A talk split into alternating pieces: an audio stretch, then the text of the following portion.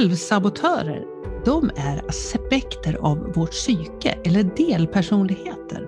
De har till syfte att skydda oss från det som egot uppfattar som fara. När vi går utanför vår komfortzon och gör förändringar så kommer de fram och pratar och säger saker som ”Nej men det där går aldrig”. Hur kan du vara så dum att du tror att du kan lyckas med det där? Eller det är farligt. När vi omedvetet tror på de här självsabotörerna så genomför vi inte de förändringarna vi vill. Vi stannar i vår komfortzon och lever livet precis som vi alltid har varit. Idag så är ämnet för den här podden någonting som kallas för självsabotörer.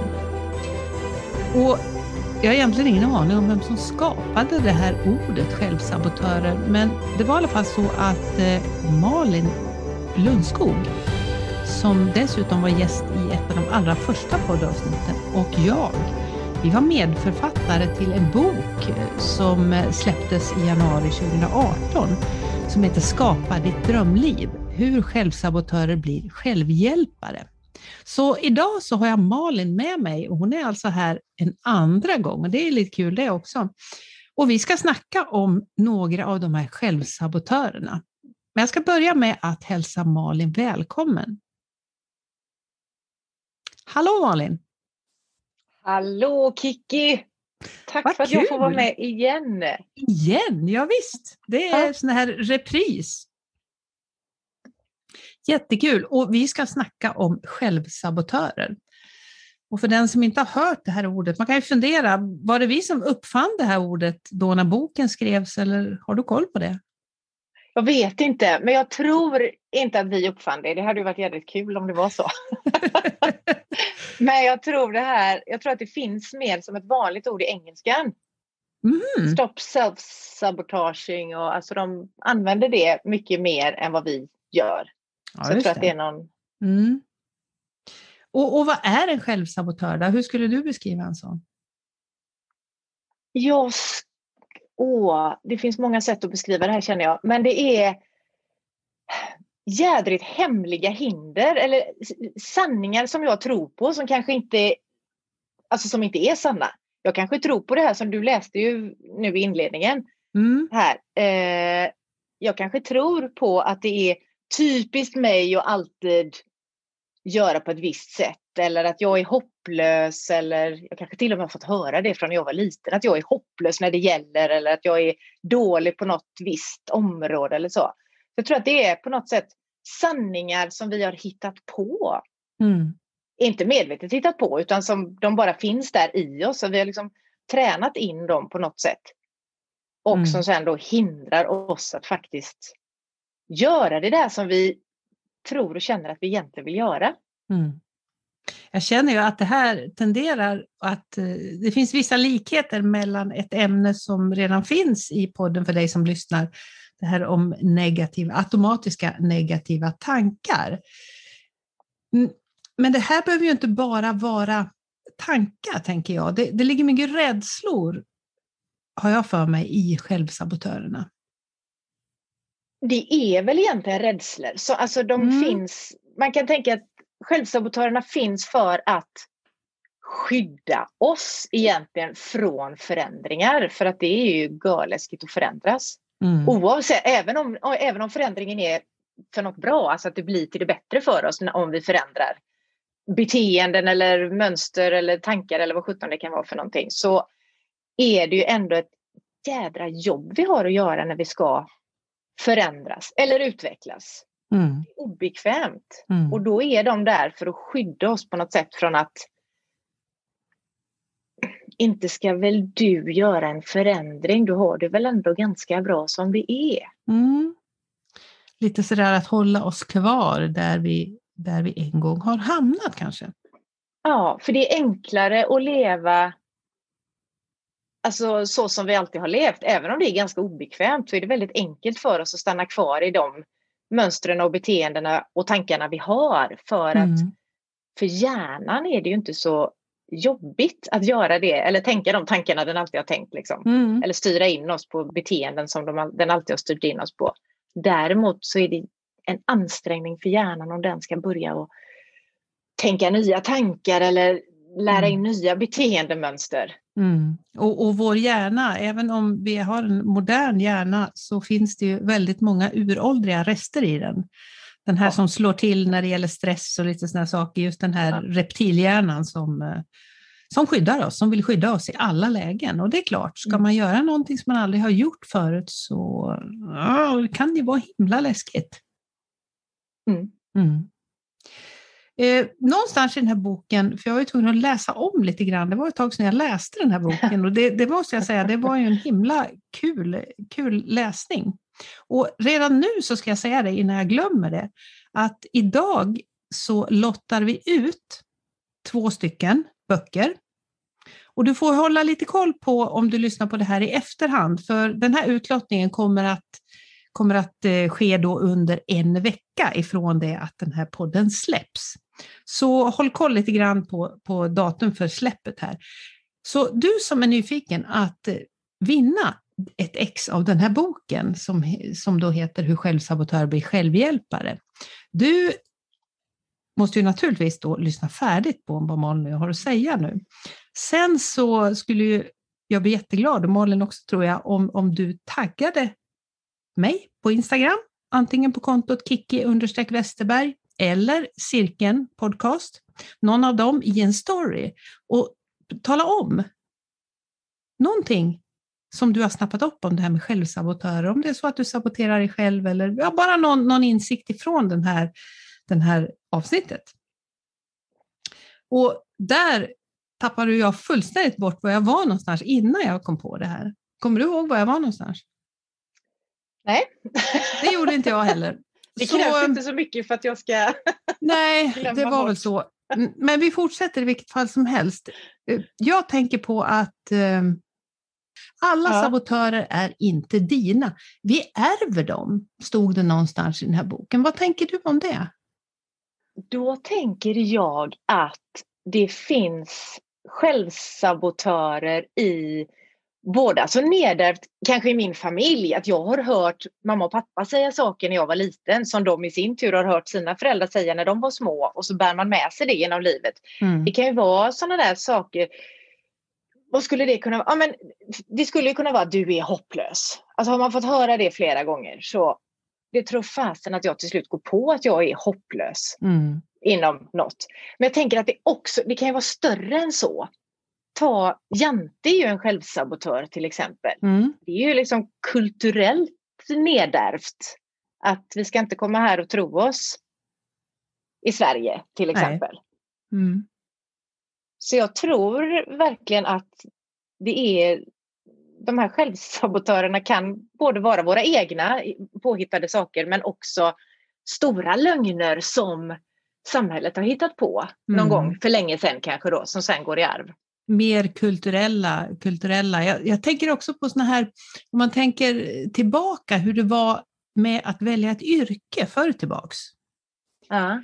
Om din familj var, ja inte vet jag, säg bönder, då skulle du naturligtvis gå den vägen. Just det här, eller om man var skomakare eller ja, vad som helst man... egentligen. Att, att, att man skulle fortsätta på, ja men vi är vi är arbetare eller ja, men vi är läkare i vår familj. Eller vi är liksom, det, det, är också en sån där, jaha, är vi det? Ja, men då får väl jag också vara det då. Precis, man öppnar inte ens upp för man tror ju att det är en sanning då att vi mm. i den här mm. familjen är typ skomakare som ska bli vid våran läst eller vad det kan heta. Så då öppnar man inte ens upp för möjligheten att faktiskt bli något annat. Jag tänker att det här är ju liksom klassresor, varför de är så svåra då kanske att göra. Mm. Mm. Det är ju mycket det nedärvda att i vår familj är vi si och sådana. Mm.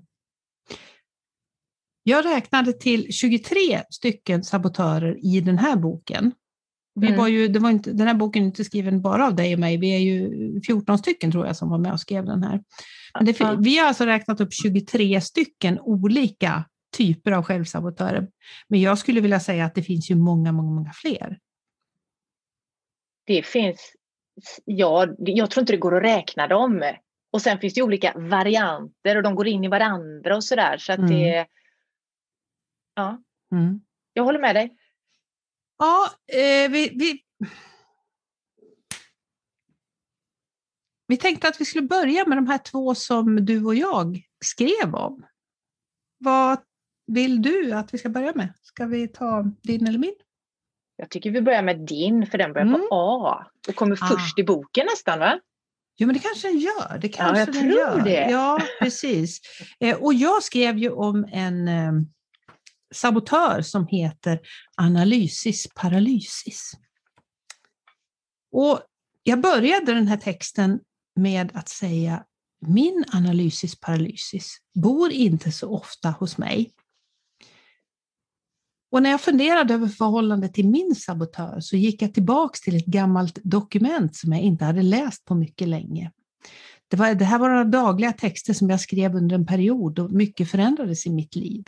Och jag avslutade det här då med att säga, men herr Analysis, han finns inte där, inte hos mig. Ja, för han är en herre med hatt.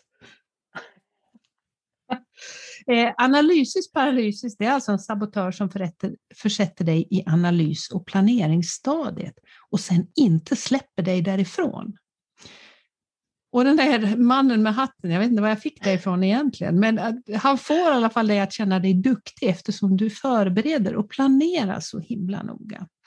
Och det är väl det som är grejen med analysis paralysis, att det blir väldigt mycket planering och väldigt liten verkstad. När du pratar om denna så tänker jag en annan grej som jag ska snart fortsätta prata om din analysis paralysis, men jag vill bara säga en grej att jag tror att det den här, jag känner inte igen denna alls hos mig. Så mm. det är mm. inte så att alla sabotörer finns hos oss alla kanske, eller de är i alla fall inte tydliga hos oss alla. Vi har ju verkligen våra preferenser, vissa som vi hänger mer med liksom. Mm. Så den här är ju verkligen, och då tänker jag också att de är ju inte alltid av ondo heller. Man kan ju vända på dem och göra dem till någonting bra. Precis, och det är ju det, och det är väl det som just den här rubriken att eh, vi, vi kan använda dem som självhjälpare. Ja. Precis. Eh, och så, det är ju liksom det, är det positiva med de här. Mm. Jag tänker på det, det här, alltså analysis paralysis som jag inte känner igen hos mig själv, men jag känner igen det hos många runt omkring mig, som mm. jag själv då som kanske skulle ha god hjälp av att analysera och planera lite mer och inte bara kasta mig ut. Mm. Jag kan ju bli helt trött på alla som bara ska planera och inte kommer till skott liksom. Mm. Men jag förstår tryggheten i att sitta där och planera och ta reda på mer och lära sig mer. Och... Ja, jag, eh, sen, på senare år så har jag lärt mig ett annat begrepp för det här. Att, jag är nämligen, vi fick ju välja våra sabotörer och jag valde ju den här för att den här, den här finns trots att jag skrev att den inte bor så ofta hos mig så, så har jag insett att det gör den ju. Idag känner jag igen den här. Eh, men just det här att eh, att vi planerar, prokrastiplanera, har du hört det uttrycket någon gång? Nej, inte i kombo så. Nej, jag tycker Nej. det är ganska så kul, för det betyder ju att, ja. att prokrastinera det är att skjuta på saker och ting. Men att prokrastiplanera, då planerar man. Och så tycker man att man, liksom, man har följt upp med att planera. Så då behöver man inte ja. göra det där som man ska göra. Och då håller man sig upptagen också. Ja. Så då har man, man har ju inte ens tid Nej, att göra man har inte tid att göra det, för man håller på och planerar. Men vet du vad jag tycker om den här självsabotören? Mm. Den är ganska smart. Alltså alla sabotörer är smarta, men jag tycker att den som då hänger mycket med den här analysis paralysis mm. framstår som en väldigt smart människa. Gud mm. vad klok hon är som faktiskt tänker efter och som tar reda på saker, som inte bara chansar. Så jag tror att det är lätt att komma undan på något sätt med den också. Man kan känna sig lite smart. Mm. När man, men jag är ju ändå klok som ser till att planera och tar reda på vad som är rätt och riktigt. Och, och, vid, och vid kvällens slut så liksom tycker man att attans, idag har jag jobbat bra. Har planerat ja. hela dagen. Så att, eh, och, och, jag känner igen dig från eh, mina många år som, som, eh, som revisor, när jag hade väldigt, väldigt mycket att göra. För att då när jag då, när jag blev väldigt, väldigt stressad, då började jag skriva listor. Och när jag blev ännu mer stressad, stressad då rev jag sönder de gamla listorna och skrev nya listor. Så det fanns liksom en, sån här, en lugnande effekt i att liksom göra de här planeringslistorna.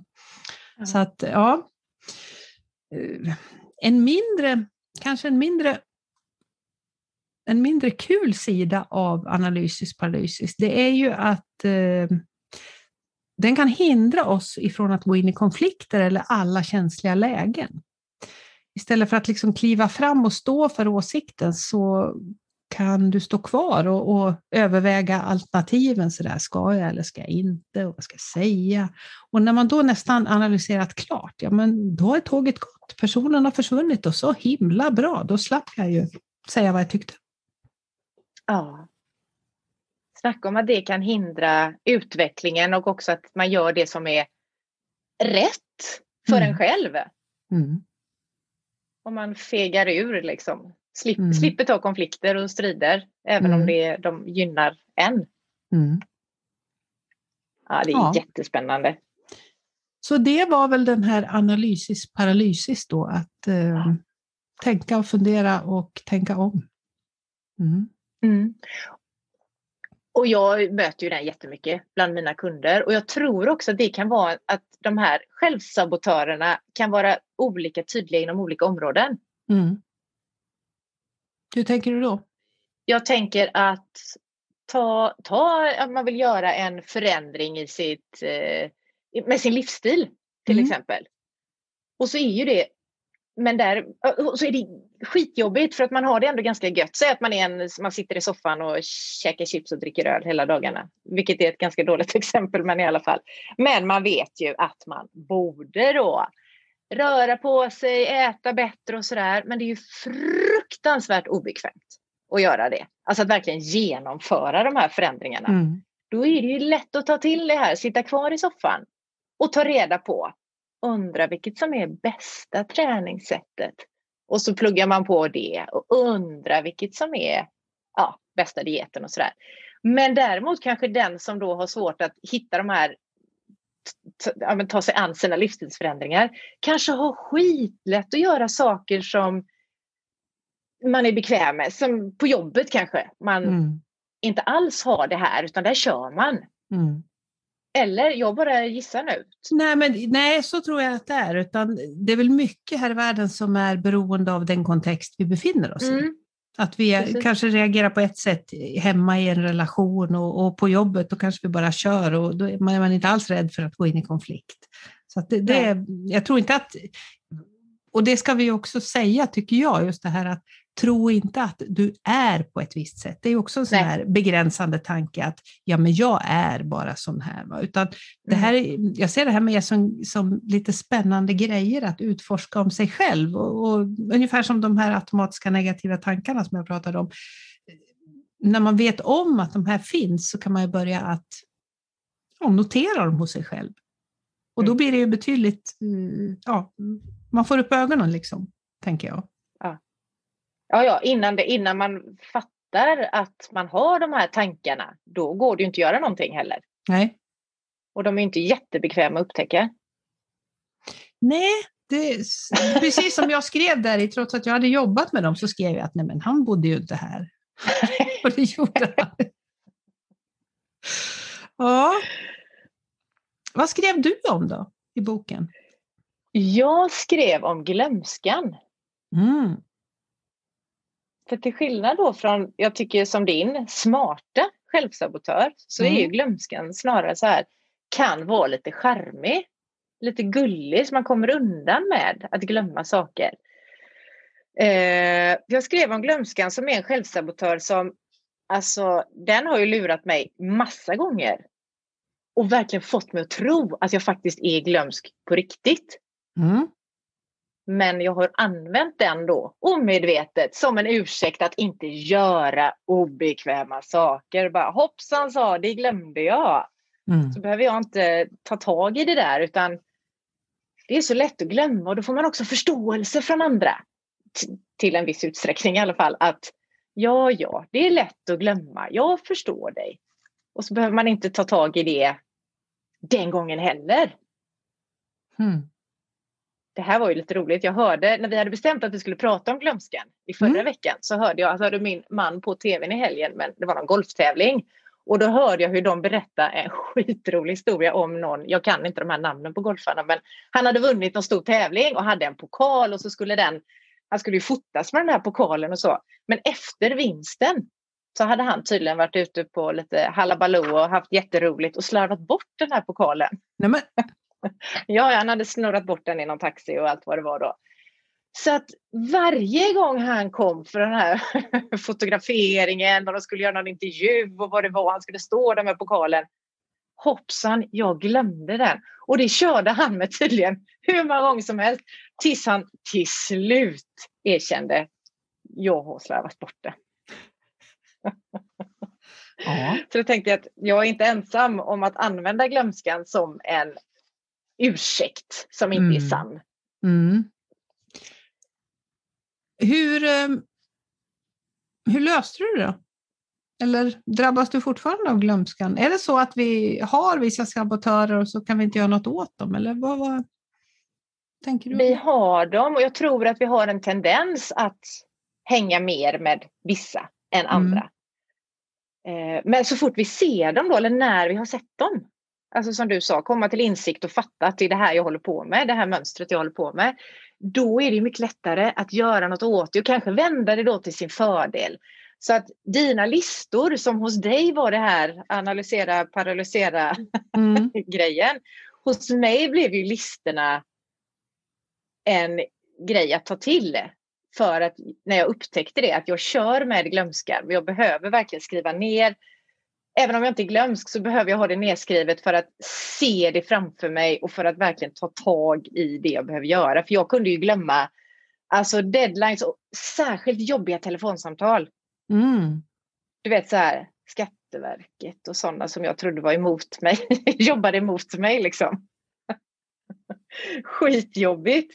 Mm. Eh, så att jag och vad ska jag göra? Eller vad skulle jag göra? Jag, om jag funderar då på analysis, paralysis. Jag, jag, jag, vet ju att jag har blivit mycket, mycket bättre på att kliva rakt ut och testa. Och, och, och just det här att inte planera så himla långt fram, utan mer bara ha en riktning. Där, där skiljer jag mig jättemycket från hur jag, hur jag jobbade förr tillbaks. Mm, mm. Just det här att ja, men jag vet att jag ska ungefär åt det där hållet och sen går jag lite grann och så kanske jag bara planerar en liten bit framåt så att jag vet vad jag ska göra i nästa steg. Hur blir en sabotör en, en, sabotör en hjälpare? Ja, precis. Men jag tänker på analysera, paralysera. Alltså det är ju mycket handlar ju om att komma till insikt om att det är fasen, det är så här jag gör. Mm. Och vad skulle få mig, vad skulle få dig då i ditt fall att göra och vad skulle få mig i mitt fall att faktiskt ta tjuren vid hornen och göra och mm. inte då glömma inom citationstecken liksom. Om vi, skulle ta, om vi bara skulle ta hugga några i boken här och så ge något, bara förklara dem snabbt och så ge något tips på hur de, vi skulle kunna bli hjälpta av dem. Vad tror du om det? Ja, absolut. Eh, vad ska vi säga? Mm, vilken ska vi ta? Perfektionisten.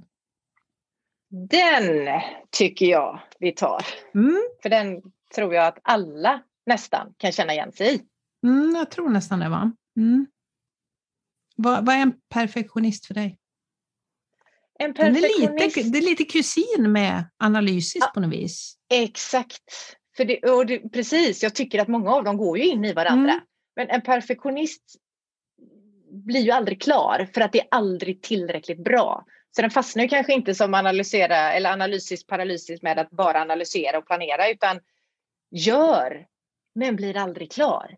Mm. För det går att förbättra. Alltså mm. det går väl alltid att förbättra men är aldrig tillräckligt nöjd och är skiträdd för att då ja, visa omvärlden vad det är han eller hon har gjort eller vad det nu är man är perfektionist inom. Mm. Så det, det, är verkligen det att, att inte vara, inte våga släppa taget om någonting, tycker jag, mm. är en perfektionist det blir, det blir ju aldrig, alltså beroende på vad perfekt är, men man har nog en jädrigt högt satt ribba. Mm. Och då tänker jag att det här uttrycket good enough passar väldigt bra in. Jag håller med. Men även om man då vet liksom att, ja men, hur sjutton ska man veta det då när det är good enough? Eller ska man ta hjälp av någon? Ja, det skulle man ju i och för sig kunna göra, men jag tänker också det att faktiskt ser det, ser jag att jag är en sån som drivs av den här perfektionisten, att jag det betyder inte att man helt plötsligt börjar bli slarvig liksom och skiter i hur saker blir, men att man vågar och släppa om det är från sig en tjänst eller produkt eller om det är våga ge sig ut i löparspåren utan att ha analyserat vilka skor som är de absolut bästa på marknaden. Mm. Eh, till exempel. Så våga i små steg. Jag tror de små stegen är en nyckel. Att våga liksom lite. Men medvetenheten om att man då är i perfektionistens klor tror mm. jag är det, alltså, det, det, är det som måste till först. Mm. Har du någon mer grej. som du gillar? Som jag gillar? Jag har en som jag verkligen ogillar. Kan jag få ja, ta den? det, kan, ja, kan vi ta den. Mm. Apropå det här som du sa att de inte är, att de är nedärvda och sådär mm. med sabotörerna så tänker jag offerkoftan. Den en offerkofta? Mm. Ja, usch! Hemsk! Det kan bli en väldigt tung och blöt kofta som jag känner det. Va? Ja, luktar illa gör den också. Och väger ton när man ska släpa den genom livet. Va? Ja, och så är det så synd om men och man kan inte göra saker för att det Nej, jag kan inte utvecklas för att jag har inte tid eller pengar eller ja, vad det nu kan vara. Jag har ingen som stöttar mig eller jag har inget, jag har, jag har ingenting. Alltså det blir sådär skitynkligt och jobbigt och ja, tungt som du sa. Mm. Och där har jag ju varit också mm. i det här. Tyckt synd om mig själv. Och det kan man väl få göra ibland men till en viss gräns kanske. Mm. Och den är också, tycker jag, offerkoftan, för det tror jag också att många av oss kan känna igen. Även om vi inte själva har den så kan man ju se folk runt omkring sig. Och den är så jädra hemsk för att det är också läskigt att slå hål på en offerkofta, eller vad man ska säga, för att det är väldigt synd om ett offer. Mm. Så att komma där och ändra, alltså ryck upp dig. Ja, men eh, du vet, det kan man inte säga till någon som det är synd om. Jag tycker att den är svår att få tag på liksom, för att mm. det är, är det synd om mig eller synd om någon annan som håller på och drivs av den här offerkoftan, då känns det som att jag är skitelak om jag kommer där och ska säga gör så här eller om du ändrar på det här eller något, då blir man ju bara elak. Mm. Martyren och offerkoftan, är det samma sak? Jag vet inte, om, men det känns ju som samma sak. Det drar lite åt samma håll tror jag. Va? Mm. Absolut. Och, och, samtidigt tänker jag också att offerkoftan tar ju på sig alla andras problem. Ah. Och, och där Visst. har jag faktiskt ett tips, kommer jag ja. på nu. Ett jättebra tips som jag fick av en, en kvinna för många år sedan. Och hon jobbade mycket med grupper, hon var coach och sådär. Hon, hon lärde alltid de här eh, personerna på sina kurser. Så det här, var, det här var liksom det mesta som de kom ihåg när de hade jobbat med henne. Så lärde hon dem, dem den här frågan, vem äger problemet? Ja. Och den, den sitter hårt i mig än idag för, och, och den, mm. jag tycker att den är jättebra. Så att du som lyssnar får absolut den här om du känner några sådana här offerkofte-tendenser. Vem äger problemet? Mm. För det är precis som du säger, man tar på sig då, har man den här koftan på sig, då tar man på sig världens problem liksom, i mm. den. Men också, och det är det som är så lurigt med alla de här sabotörerna, man är så jädra trygg i den här rollen. Man vill inte kanske ens komma till insikt om att det är inte jag som äger problemet. För det är också ett sätt att äga någon annans problem, är också ett sätt att vara viktig, alltså att vara betydelsefull. Mm. Men det är ändå synd om mig som måste göra allting för alla andra. Mm. Men skulle någon ta bort det där så, vem är jag då? Det är också läskigt. Mm. Får jag säga en sabotör till? Ja, visst får du det. Jag tänker på vagheten. Den har inte jag så himla mycket koll på känner jag just nu. Jag har stenkoll. Ja, ah, bra. Led mig framåt, kära du. Mm. Nej, men jag tänker apropå att boken heter Skapa ditt drömliv, den boken som du ju lottar ut nu då och som vi mm. har varit med och skrivit. Eh, och alltså det är ju lätt det är inte ens, inte ens det är lätt för många, men om det är lätt att sitta och drömma och liksom, åh, jag hade velat ha ett si och sånt liv och jag hade velat göra si och så, jag hade velat vara sån. Och så händer inte det för att det kommer då bland annat massa självsabotörer i vägen som stoppar oss från detta. Vagheten är ju en av dem, eller vaghetssabotören kanske man ska säga, som gör att man inte vågar säga exakt vad det är jag drömmer om. Jag vågar inte säga vilka känslor det är jag vill ha eller mm. vart jag strävar utan ja, den kanske är kompis med Jante också för inte ska jag komma här och komma och tro att jag ska kunna åstadkomma något eller bli något eller utvecklas och så. Men jag tror också att vagheten gör att om jag inte säger bestämt att jag, inte ens för mig själv alltså bestämt att jag vill jag kan inte ens komma på något nu. Jag vill skriva en bok kan vi säga. Det är många som drömmer om det. Om jag inte bestämmer liksom så konkret att jag vill verkligen skriva en bok utan bara sitter där. Åh, det hade varit roligt att skriva mer. Alltså. Mm.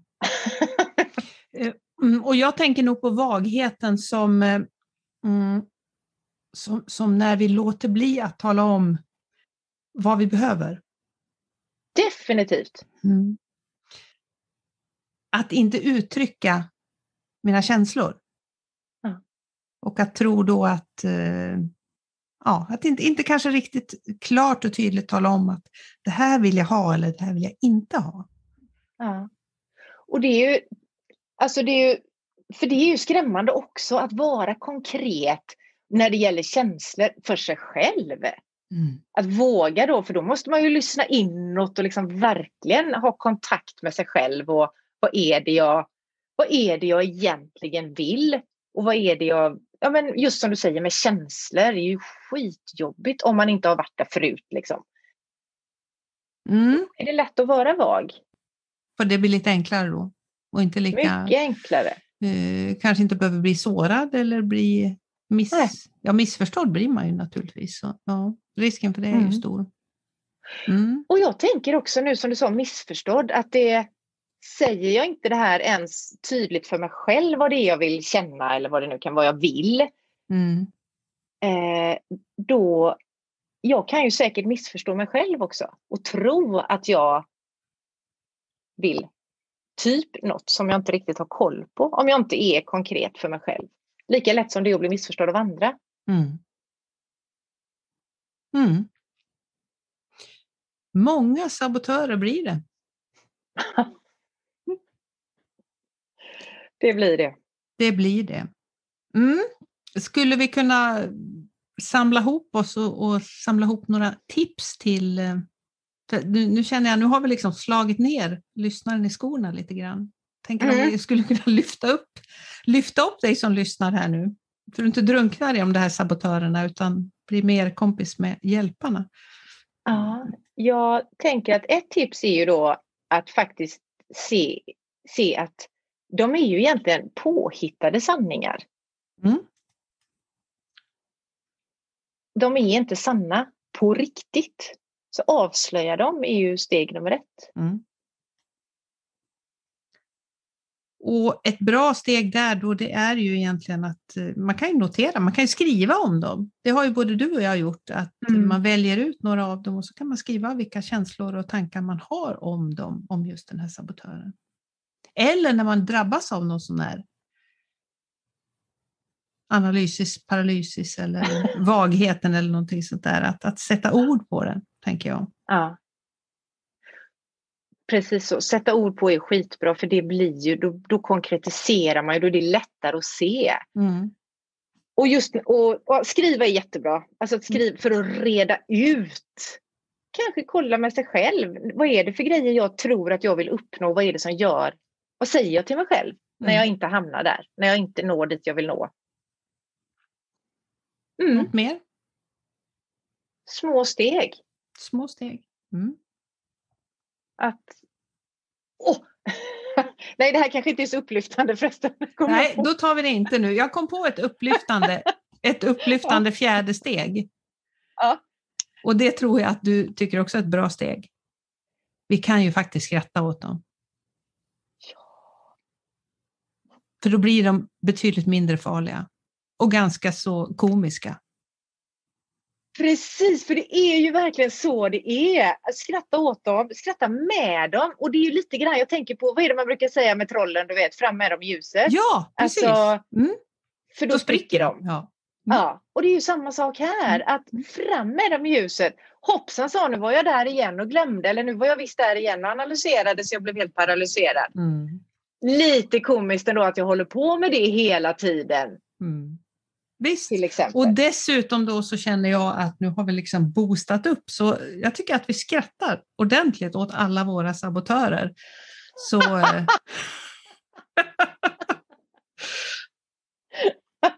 det går inte att avsluta så himla mycket bättre än, än på uppåtgående tänker jag. Nej, mm. det är ju dit vi är på väg.